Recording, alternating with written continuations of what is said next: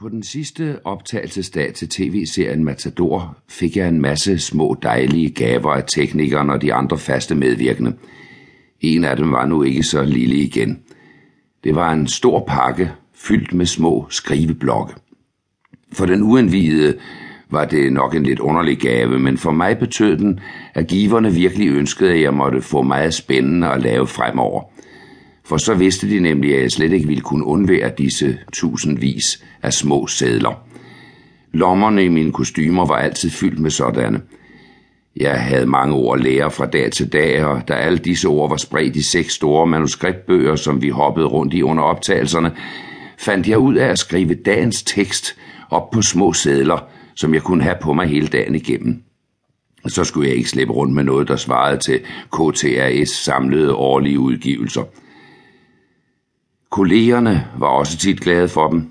Min Ingeborg, Gita Nørby, kunne altid spørge, hvad er det nu, vi siger her? Og hokus pokus havde hun svaret. Blot til denne ene rolle var der sædler nok til at tapetsere hele Teatermuseet med, og da jeg altid benytter denne fremgangsmåde, er det klart, at jeg må lade dem gå op i røg om aftenen. Jeg er kommet sådan ind i vanen, at også denne lille bog bliver skrevet på små sædler med hver sine forord. Jamen, det er jo et toårs barn, udbrød jordmoren, da hun så mig første gang. Jeg hang i enden af en tang, som man måtte tage i brug, fordi jeg simpelthen nægtede at komme til denne verden. 40 timers vejer måtte min stakkels mor igennem, før det passede mig at se dagens lys, og at det ikke har været rart, ved jeg, for hun fortalte mig det en gang om året på min fødselsdag, 10. januar og de første år følte jeg mig frygtelig skyldig over det forfærdelige, jeg havde forvoldt hende. Det kunne næsten ødelægge denne dag, som jeg havde glædet mig til. Jeg ville med fornøjelse have byttet gaverne med en historie om, at jeg vel nok havde været en nem lille klump at aflevere.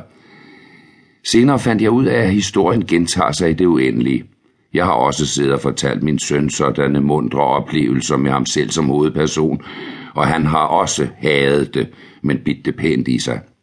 Nu er han over 30 år og gift med Anne Mette, som til gengæld nyder at høre om sin elskedes tosserier.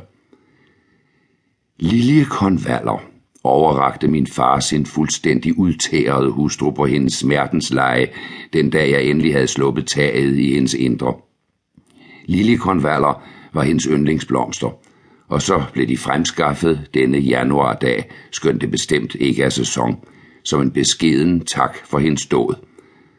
og da han så mig ligge der i vildt raseri, mørkeblå og med dybe sår fra kæmpetangen, som havde boret sig ind i mit kranium i panden og i nakken, jeg kan stadig 57 år senere fremvise Arne, lovede han, at han hvert år den 10. januar ville skaffe sådan en buket.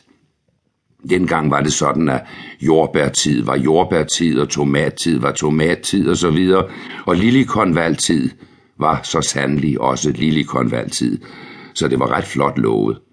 Ikke desto mindre holdt han sit løfte. Hvert eneste år på denne dag blev liljekonvallerne skaffet, og tidlig om morgenen stod de på den bakke, som han serverede for sin heldinde. Større og mindre buketter, alt efter hvordan det lå med den økonomiske situation i det lille hjem, men altid liljekonvaller. Selv i krigsårene blev de skaffet til veje. En københavnerpige og en Aarhus-dreng – Begge skuespillere på det store teater i Jyllands hovedstad, Henny Lindorf og Per Bukhøj.